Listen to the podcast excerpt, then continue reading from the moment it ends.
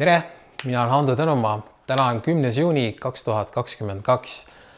mõned nädalad tagasi ma tegin avaliku kirja, avaliku video, kus ma siis pöördusin nende niinimetatud äh, koroonaterroristide poole ja küsisin, et millega, mida me nüüd edasi teeme, et äh, kuhu me siit edasi lähme.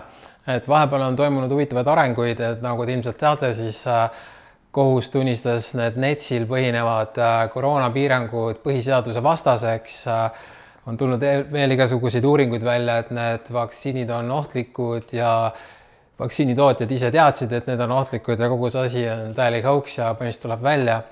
aga noh, probleem on selles, et äh, peavoolumeedia seda ei kajasta ja pilgud on ainult Ukrainas ja Ukraina puhul on ka, kajastatakse siis ainult nagu ühepoolset infot, et kõik on must ja valge, et paha ja hea ja ongi kõik nagu, et mitte midagi muud seal ei ole ning äh, noh, te olete sellega kursis kõik.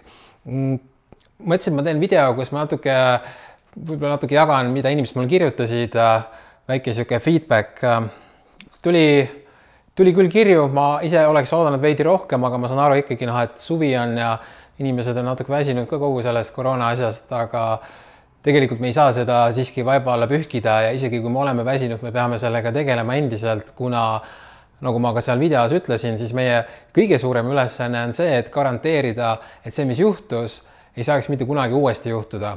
nüüd äh, paljud arvavad, et noh, et kui paneme võimule nüüd oma lemmik selle erakonna, et siis äkki saab midagi ära hoida.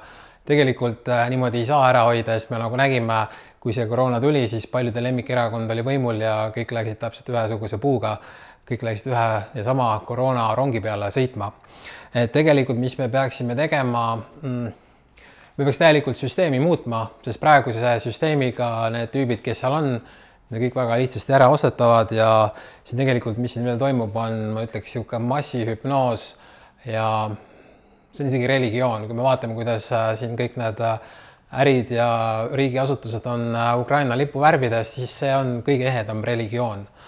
et ähm, ja, aga ma loen ette siis mõned kirjad kõiki ei hakka lugema, loen mõned huvitavamad ja siis lihtsalt äh, käin läbi mõned need tuntumad nimed, keda siia pakutakse, mm, siis äh, kes need kõige suuremad koroonaterroristid on, et ma seal esialgses videos ütlesin, teeme nimekirja nendest äh, nii-öelda koroonaterroristidest, kes seda jama meile kaks aastat müüsid. Andres kirjutab, et äh, nimekiri top kümme, Kaja Kallas, Arkadi Popov, Tanel Kiik, Üllar Lanno, Irja Lutsar, Toivo Maimets, Peep Talving, Karmen Joller, Margit Sutrop, Marianne Härma. Need nimed käivad väga palju läbi. ta siin kirjutab, et Sutrop lihtsalt mölises ja teda oleks raske süüdi mõista. teiste teod, teiste teod aga omasid tõsiseid tagajärgi. Helmed on asjast ammu aru saanud ja seega rehabiliteeritud. jah, ma arvan ka, et Helmed on asjast aru saanud ja nagu ma esmalt siin video alguses ka ütlesin, et meie eesmärk tegelikult, äh, suurim eesmärk on garanteerida, et see, mis juhtus, ei juhtuks kunagi uuesti. aga kahjuks hetke süsteemiga me ei saa seda garanteerida, sest nagu me nägime, Helmed olid võimul, kui see jama algas. Ähm, ma arvan siiski, et meie, me ei peagi jah, nii väga mõtlema selle peale, keda karistada ja kuidas karistada, aga neid peaks mingil määral vähemasti hirmutama, ma ei tea, kas hirmutamine on õige sõna, aga nagu me näeme, siis need tüübid põhimõtteliselt nad ei ole siiamaani nagu tagasi tõmmanud, nad ei ole oma juttu muutnud ja tegelikult siin paar nädalat tagasi ka selgus, et Sotsiaalministeerium on välja andnud äh, kaks tuhat kakskümmend kaks, kakskümmend kolm äh, siis gripihooaja kava, kuidas selle nii-öelda Covidi vastu võidelda. ehk siis tulevane talv, äh, mis poole aasta pärast on kohal, et siis noh, number üks teema oli muidugi endiselt vaktsineerimine, see, et nad endiselt seda propageerivad, see on kriminaalne sõna otseses mõttes, mitte midagi muud. Ähm, Katrin kirjutab, enamus inimesi tundub olevat mäluta või meelemõistuseta. kirjutan sellepärast, et ajalugu uurides tuleb välja, et Nürnbergi protsess oli lihtlabane mõrvade jada, millega koristati ära liitlaste kasutud või ebasobivad isikud, enamus neist hukati ja mõrvati kes võltsitud dokumentide süüdistuste põhjal tehtud kohtuotsusega või üldse kohtuotsuseta. Nürnbergi protsess oli farss, aga te ei pea mind uskuma, on küll aga ajaloo uurijad, kes ei kirjuta niinimetatud ametlikku versiooni ajaloost, vaid tuginevad arhiividokumentidele. koroona kurjategijate puhul tuleks pidada ikka päris kohut. saan aru ka teie ahastusest inimeste ükskõiksuse ja lolluse pärast. tegelikult on terve mõistusega inimesi ikka rohkem, kui ajakirjandus laseb välja paista. ja aitäh, Katrin, selle kirja eest.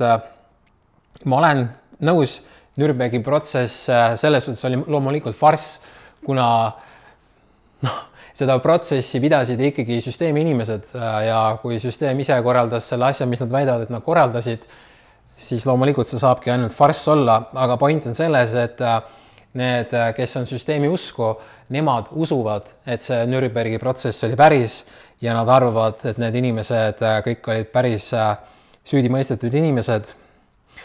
Me ei tea, mis nendega edasi sai, kas need nimed muudeti võib-olla mõni reaalselt läkski vangi või mis iganes nendega tehti. Ähm, me tegelikult ei tea mitte midagi, sest nagu noh, äh, me teame, et ajalugu kirjutavad võitjad. mis puudutab ka seda holokausti ennast, siis äh, ma ei usu ka seda, mis nad ütlevad, et äh, mis seal toimus ja kuidas toimus ja mis need numbrid seal olid see, kes vähegi seda asja uurinud on, teab, et see ei ole mitte kuidagi reaalne. aga on reaalne see, et need inimesed, kes seda usuvad, nemad usuvad, et see oligi päris, ehk siis see tähendab seda, et äh, valdav äh, usk dikteerib justkui reaalsuse. kui enamus usuvad, et mingi asi on päris, noh siis mida me vaidleme.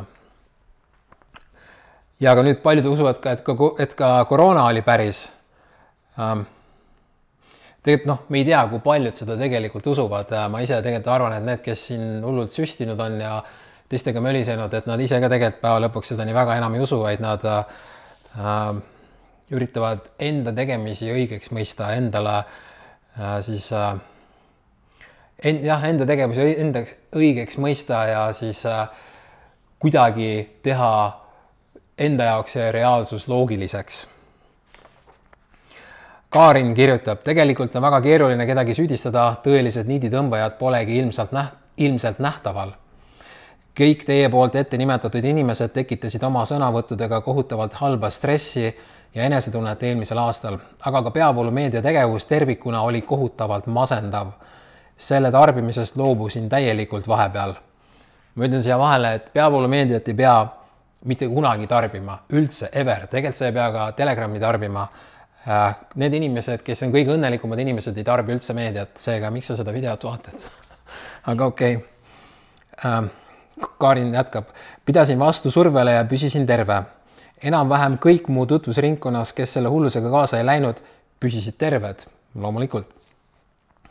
vastutust peaksid, vabandust, vastutust peaksid kandma ka need asutused, kes oma töötajaid kiusasid. väga õige point, väga õige point ega see süüdlaste otsimine nii väga lihtne polegi ja kas see midagi annabki, kellel on südametunnistus, see tunneb ise oma süüd. kellel pole, sellel on niikuinii savi. pika elu jooksul olen näinud, et karistused saavad ikka vaid väikesed tegelased. kes üldse alla kirjutas sellele lepingule, kas see polnud mitte Ratas? see surve ilmselt sügisel jätkub, võib-olla vaid teistmoodi. nii et tuleb jõudu ja energiat koguda. PS, meditsiin on ehk üldse üle täht-, tähtsustatud mu tutvusringkonnas suri eelmisel suvel saja neljakümne, saja nelja aastane igati toimekas vanatädi, kes ei tarvitanud mitte mingisuguseid ravimeid. ta lausa väit-, vältis neid, suri rahulikult oma kodus, oma voodis, eelmisel päeval toimetas veel rõõmsalt ringi. usun küll, et inimese enda immuunsüsteem on kõikvõimas ja kui see enam vastu ei pea, siis ongi aeg teispoolsusesse minna. Aga olen teile tõepoolest tänulik, et vahendate teistsugust vaatenurka, see aitab tervet mõistust säilitada valikud on niikuinii iga inimese enda teha. loomulikult äh, meditsiin on kahtlemata üle tähtsustatud äh,. mis puudutab nagu lihtsalt niisugust üldist äh, köha ja nohu või noh, millega siin tegelevad, eks ju, et mainstream meditsiin on ületähtsustatud äh,, seda läheb vaja mm,. kui sul on need liiklusavariid või niisugused füüsilised äh, kehavigastused või rasked haigused, siis, siis küll, aga mis puudutab lihtsalt niimoodi, et tee vaktsiin ja oled terve, no come on. Ähm, ma ütlen siia vahele ka, kes endiselt veel ei ole kursis, siis viirused ei levi inimeste vahel, vaid tekivad äh, rakusiseselt vastavalt keha toksilisusele. kogu bakteri ja see viiruse värk, mis need viroloogid siin ajavad, on täielik jama. Me oleme sellest kirjutanud mitmeid artikleid. ja ma väga loodan, väga tahaks tegelikult äh, et see, see teema tuleks rohkem äh, nii-öelda massidesse, isegi need inimesed, kes teavad, et koroona on hoax äh,, väga paljud endiselt usuvad, et viirus ikkagi levib inimeste vahel ja nad kuidagi ei taha nagu üldse puudutada või uurida, ehk siis nad ei, nad ei taha üldse kiigata sinna jäneseorgu, et viirus ei levigi inimeste vahel ega loomade vahel äh, ma loodan, et kui, kui sa seda teemat ei olnud varem kuulnud, siis äh, ehk see pani sul mingi tulukese põlema ja hakkad seda teemat rohkem uurima. võin sellest järgmine kord pikemalt rääkida. Tarmo kirjutab, nimekiri, Tanel Kiik, Jüri Ratas, Toivo Maimets, Karmen Joller, Arkadi Popov. Needsamad tüübid kogu aeg. Nende isikute suhtes on selgelt tunne, et nad teavad, mida nad teevad, mitte neid ei survestata selleks kuritegevuseks. jah, väga võimalik äh, ma olen isegi kuulnud kuulujuttu, et Karmen Joller olevat äh, kirjutanud välja neid vaktsiinipasse mingisugustele tüüpidele raha eest. no see oli kuulujutt, et, teate, ärge öelge, et mina ütlesin, et ta nii tegi. aga kui keegi teab, et ta nii tegi, siis tulge rääkige välja, teeme sellest hea loo. Kaja Kallase suhtes, Kaja Kallase suhtes ma pigem tajun, et ta on kitsikusse sattunud marionett, kes peab käsku täitma tegelikult vastu oma tahtmist ta alternatiiv oleks tööst ilmajäämine ja ehk trahvid, karistused ja midagi muud sellist. võin eksida, aga mulje on selline sisetunne ja ridade vahelt vaade. Lanno oli samuti käsuori, käsuori, kes sai raha, kes, kes raha nimel selle Terviseameti juhi koha valis, ise ehk omamata kõike seda haiget ideoloogiat ma ei tea, mida ta praegu teeb, kuid tihti näen teiselt pool aeda, et ta toimetab õues aias ja sõidab suvalisel ajal korraks kuskile, nagu tööl ei käikski. ma pole temaga ammu rääkinud. meenub veel üks nimi, Eerik-Niiles Kross, kes pole just esiplaanil, aga tema avaldatud arvamused ja suhtumised vaktsineerimisega seoses on olnud pehmelt öeldes kriminaalsed ja terroristlikud. kui selline isik peaks omama mõjuvõimu, siis ta oleks kindlalt ülal esimeses nimekirjas jaa, Eerik-Niiles Kross, see on väga haige vend minu meelest ka. Need sõnavõtud, see vend reaalselt rääkis umbes, et, et need, kes ei vaktsineerinud, need tuleks põhimõtteliselt nagu vangi panna või täiesti hullu juttu rääkis. ütles, et vaktsineerimata inimeste tõttu on teised inimesed haiged ja jõhker, jõhker vend. ta juba varasemalt oli väga kahtlane siis paljud on küsinud äh, Rainer Fülmichi tegevuste kohta ja et kas me peaksime tegema mingisuguse samasuguse asja. Äh, Fülmichiga on see, et neil ongi lihtsalt need igapäevased videod, siis neil oli vahepeal see USA tuur, äh, inimsusevastased kuriteod USA tuur, aga ma hiljuti kuulsin, et Fülmich ja paar tüüpi veel kuidagi läksid sealt välja, et seal olid mingid erimeelsused teiste tüüpidega. et ma täpselt ei tea, mis seal toimub aga laias laastus meil ei ole Filmichiga mitte midagi koos selles suhtes midagi teha, kuna äh, meie räägime ikkagi nagu Eesti sellest, Eesti kontekstis, et äh, tal ei ole juriidilist võimu midagi siin meie jaoks teha ja meie ei saa tallegi midagi teha, mis me ainult teha saame, on võib-olla mingisugused intervjuud, kus me võib-olla räägime, jagame kogemusi ja kirjeldame, mis on vahepeal näiteks Eestis aren-, arenenud see oli vaata huvitav, äh, mis nüüd tuli eelmine nädal, mis ma enne juba mainisin, et need NETS-i äh, mm, piirangud kuulutati kohtu poolt eba või põhiseaduse vastaseks ähm,. Äh, laias laastus, mis see Filmich ja see Grand Jury, mis nad seal tegid, on nii, et nad äh, intervjueerivad, avaldavad infot ja siis rahvas peaks ise nagu võtma võimu ja avaldama arvamust ja äh, noh, kui, kui käib nii-öelda kohtuotsuse pidamine, siis peaks päris rahvas seda tegema, aga et päris rahvas üldse seda teha saaks, peaks massid taha tulema, aga neid masse meil hetkel pole. Äh, paljud ei julge, paljud ei viitsi ja noh, suvi ja niimoodi kahjuks meil on. Äh, Toivo kirjutab, olen viimase paari aasta jooksul jälginud meedias koroona teemat propagandistide ja koostanud nendest nimekirja siin need on Arkadi Popov, Üllar Lanno, Irja Lutsar, Jüri Ratas, Tanel Kiik, Peep Talving, Karmen Joller, Mario Kadastik, Toivo Maimets, Krista Fischer, Martin Kadai, Marek Seer, Raul Adlas, ah ma sihukest ei teagi, minu jaoks uus nimi, Aleksei Nele-, Nelovkov, ma seda ka ei tea, Piret Rospuu, Andres Merits, Marianne Härma. vaat siin äh, Toivo nimekirjas oli kaks nime, keda mina ei teadnud. vaat siin ongi see, et üks inimene ei saagi kõike teada et meil on hädasti vaja, et siin oleks mingisugune meeskond. samas noh, me täpselt ei teagi, mida me üldse tegema peaks. me teeme järgmine nädal niisuguse asja nagu vastutusele võtmise akt. et äh, need tüübid, kes koostasid selle nüüd tulevase talve selle koroonakava, mis on endiselt vaktsiinid, et äh, ma koostasin mm, vastutusele võtmise akti, mille me saadame siis advokaatidega neile välja ja kui nad selle kätte on saanud, siis nad ei saa mitte kuidagi öelda, et nad ei olnud infoga kursis ja nad on isiklikult hakkavad vastutama selle eest, selle jama eest, mis nad on korraldanud ja mida nad endiselt korraldavad. ma ütlen siia veel vahele, et äh, me ei saagi midagi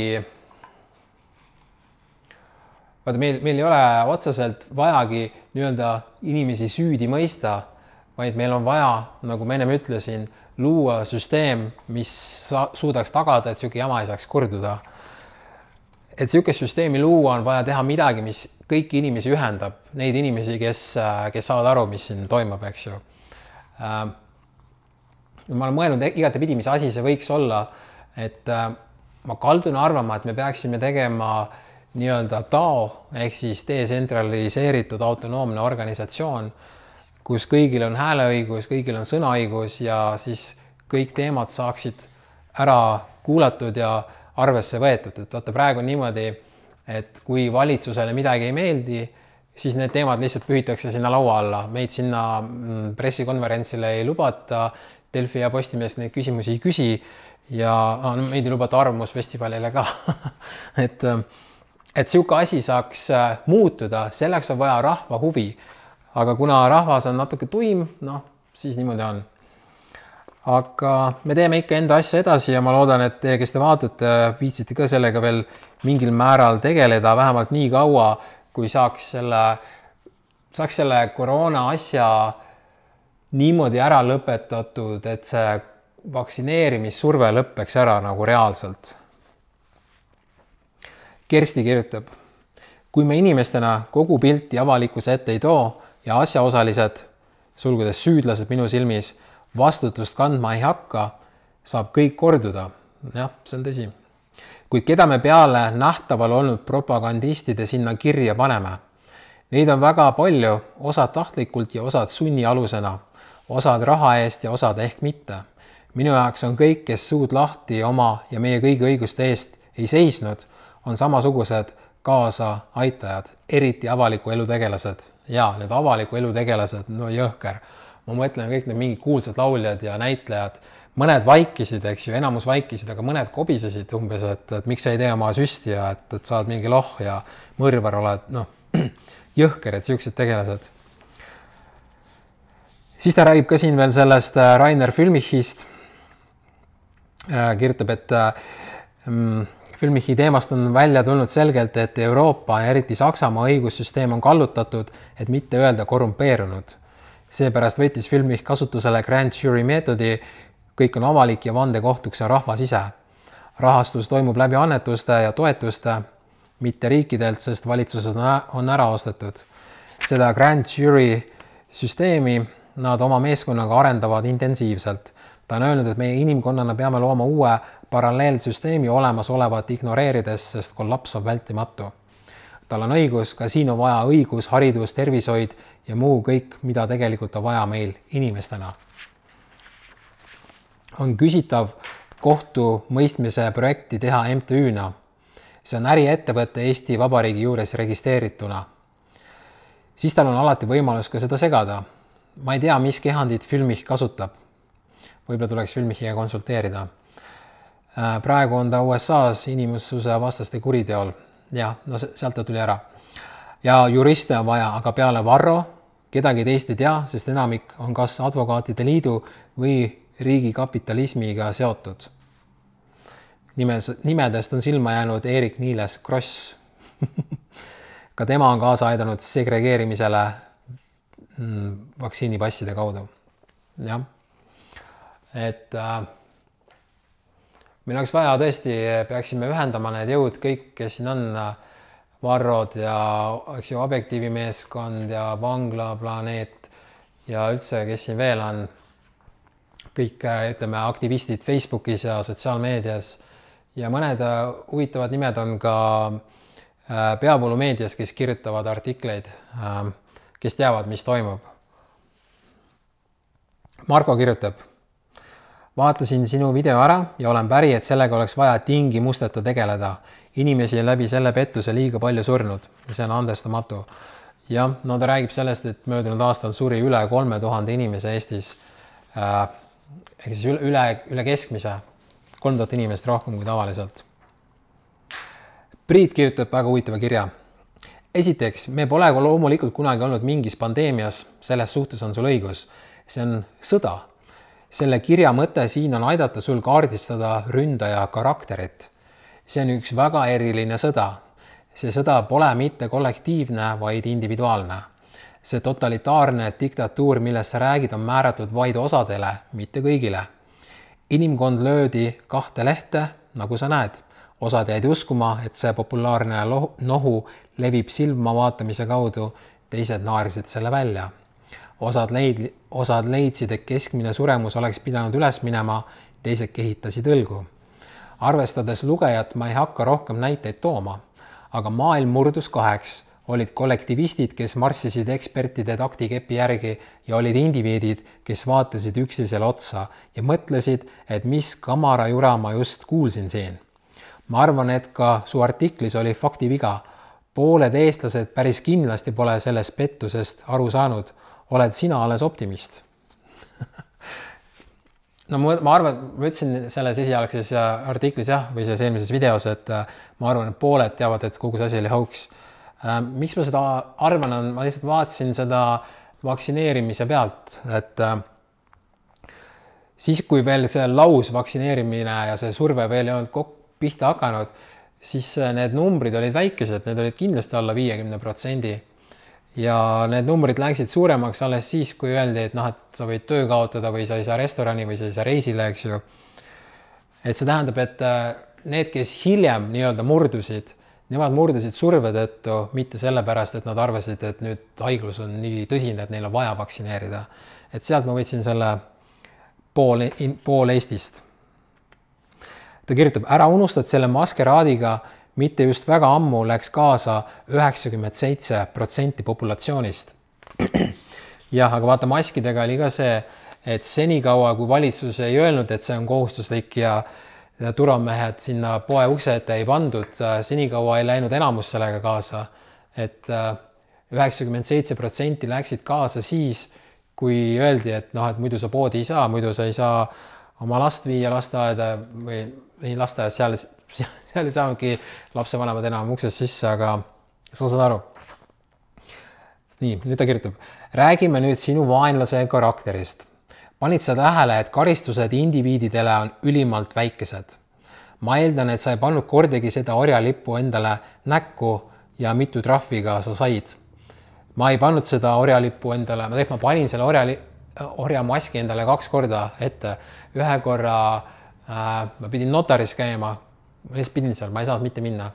ja teise korra, kui ma olin seal äh, vist lennukis, et äh, mul oli, ma sain mingi viiruse, kõhuviiruse või noh, ma, ma ei saanud, vaid mul tekkis ja mul oli ülihalb olla ja siis ma istusin kusjuures äh, lennukis kõige esimesena ja see tüüp, stjuardess ütles, pane mask ette. ja aga kuna ma enamus ajast magasin, siis mul oli sees, ehk siis mul on kaks korda olnud sees ma arvan, et kaks ma rohkem ei mäleta, aga, aga ma käisin poes ilma ja kui vaja, siis äh, mölisesin vastu ja päris ma sain asju hakkama, sain asjadega hakkama ja trahvi ma ka ei saanud. ja tema kirjutab ka, et tema ka ei saanud. sa ei saanud einestada restoranis, aga sa tellisid koju ja sa ei saanud käia kinos, aga sa said vaadata kodukino ja löök, löök ei olnud sinu vastu, vaid kollektivistide vastu ja mõtle, mida nemad läbi elasid Nad arvasid, et meil on surmataud, nad hingasid kaks aastat läbi jumal teab mille, nad süstisid endasse mürki ja nad naeruvääristasid ennast indiviidide ees. sinu vaenlane hävitab nõrkasid, lolle ja vanureid, kellel pole armastavat perekonda. tema arvates on populatsioon kasvanud liiga suureks. sinu idee teha näidispoomise nende terroristide vastu ei täida eesmärki. milleks puua ettureid? Nad asendatakse järgmine päev. vähe sellest, see oleks ebaõiglane tapmine, kuna nad on okupeeritud hinged. haarata härjal sarvist tundub samuti ulmeline. niisiis, mis edasi? We chill till it fades, et äh, chill ime senikaua, kui, kui see asi ära vajub. me loome omaenda kogukonna ja me kaitseme ennast nii hästi, kui oskame me kolime eemale 5G-st, me kolime eemale keemiaradadest, me toodame maksimaalses koguses endale omaenda toitu. Sinu töö aitab äratada zombisid ja tuua nad indiviidide sekka. respekt sulle selle eest. väga lahe kiri. Äh, paar kommentaari. Äh, ma olen nõus, et see rünnak oli siis ikkagi nende, mm, ühesõnaga nende vastu, kes valisid, et nad on rünnatavad. Äh, põhimõtteliselt loomulikult ma, ma ei pidanud seda maski kandma, ma sain oma elu elada, ma sain süüa, sain tööl käia, kõiki asju teha, aga see on natuke sama, noh, et kes tahab, see leiab ka siit linna pealt igasugused narkootikumid üles. kes tahab, tarbib kanepit, kõik on nagu vaba valik, kes tahab, see saab kõike, täiesti, täiesti õige. siin oli probleem lihtsalt selles, et ma ise tundsin ennast puudutatuna, et noh, kasvõi sellepärast, et inimesed minu ümber olid hirmul, ma pidin reaalselt vaatama, kas ma tohin nina nuusata, isegi kui mul on lihtsalt suvaline nohu ja mm, ma ei saanud trenni minna. loomulikult ma võin õues treenida, aga mulle ei meeldi külm ilm ma, talved on minu jaoks väga keerulised, et see, need talved olid väga rasked minu jaoks, aga mitte selle koroonalolluse pärast, vaid sellepärast, et ma ei saanud teha kõiki asju, mida ma tahtsin teha.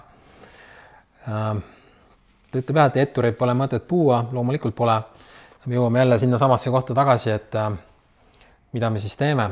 no tema ütleb, et, äh, et hakkame elama nagu nii-öelda oma päriselu kuskilt eemal. ma ei tea, võib-olla ta mõtleb, et teeme need mingisugused kogukonnad ja toodame ise oma toidu, aga niimoodi see päris, mina, mina niisugust reaalsust ei näe. mina ütlen ausalt, mina ei viitsi oma toitu kasvatada, ma, mul on, mul on muud huvid ja ma näen, et see, kus me elame, see saaks toimida väga hästi ilma selle totra tervisediktatuurita. Mm. Juba ainuüksi sellepärast pole mõtet kõigile enda toitu kasvatada, kuna see nõuab liiga palju energiat, et äh, tehniliselt äh, meil ei ole mingit küsimust nii-öelda robotitega, jutumärkides robotitega automatiseeritult äh, kasvatada nii palju toitu kõigile, kui üldse vaja. meil toidupuudust ei ole. pigem on siin mõistuse viirused ja süsteem viskab kaikaid kodarasse, tekitab näiliseid probleeme. Ja ta ütles, et äh, sinu töö aitab äratada zombisid ja tuua nad indiviidide sekka. ma ise ei ole kindel, kas äh, minu ja minu sarnaste inimeste töö aitab zombisid äratada. ma pigem arvan, ma, et äh, me, meiesuguste inimeste töö on ennekõike julgustada neid, kes saavad aru, mis toimub, tulema kapist välja ja olema ise ja hakkama vastu. et lihtsalt need, kes on täitsa zombid, ma arvan, et nad zombiks ka jäävad, ma ei usu, et nad suudavad üldse üles ärgatada, nad ei ole selleks võimelised, see on sama, kui kui ma ootaks, et äh, õpetada koera klaverit mängima, noh, see ei juhtu kunagi ah,. see kiri läks edasi. nii, ta ütleb, et see jõud, mis praegu ründab, ei ole sadist, ta ründab zombisid, mitte indiviide. kui ta oleks tahtnud hävitada terve inimkonna, siis ta oleks seda teinud ammu aega tagasi ei, ta soovib parandada meie geene, sinul ja minul ei ole midagi karta, see sõda toimub meie tsivilisatsioonis kõrgema võimu poolt kirur-, kirurgilise täpsusega. väga põnev. nii et relax, naudi päikest, suvi on kohal. ja ma üritangi seda teha. ja mi-, mina seda värki ei karda üldse, mul, sellepärast ma teengi neid videoid siin või miks ma seda Telegramiga teen või julgen teha, et mõned kunagi küsinud, kuidas ma julgen, kas ma ei karda ei, mul niisugust teemat ei ole, et äh, ma olen ka kapole kirjutanud, et nemad pigem kardavad mind, nad ei taha minuga kohtuda.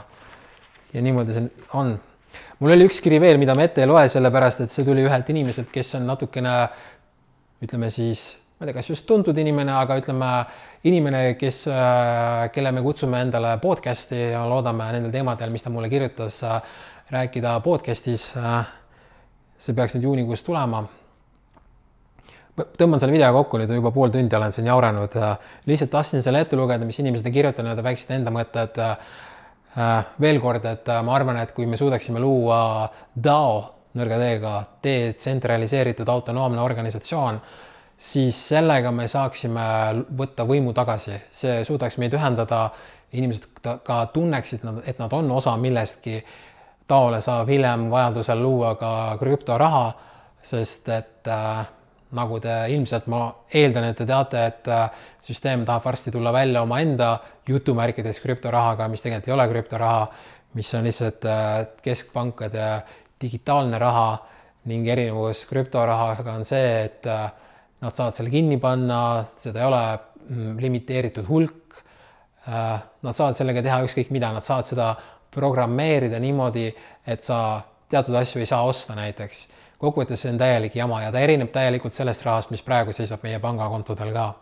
et nüüd sellele vastu hakata, selleks on paratamatult meil kõigil eestlastel mingi hetk vaja nii-öelda krüptoraha või mingit raha, mis on sõltumatu sellest süsteemi rahast.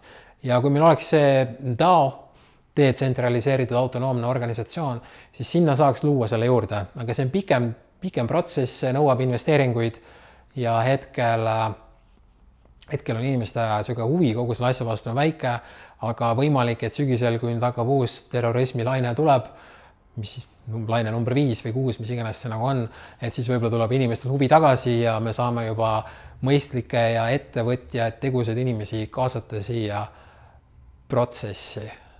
aitäh, et vaatasite ja nüüd tšillime veidi, sest on suvi, aga kindlasti me ei tohi seda jama pühkida põranda alla. Mm, thanks, tšau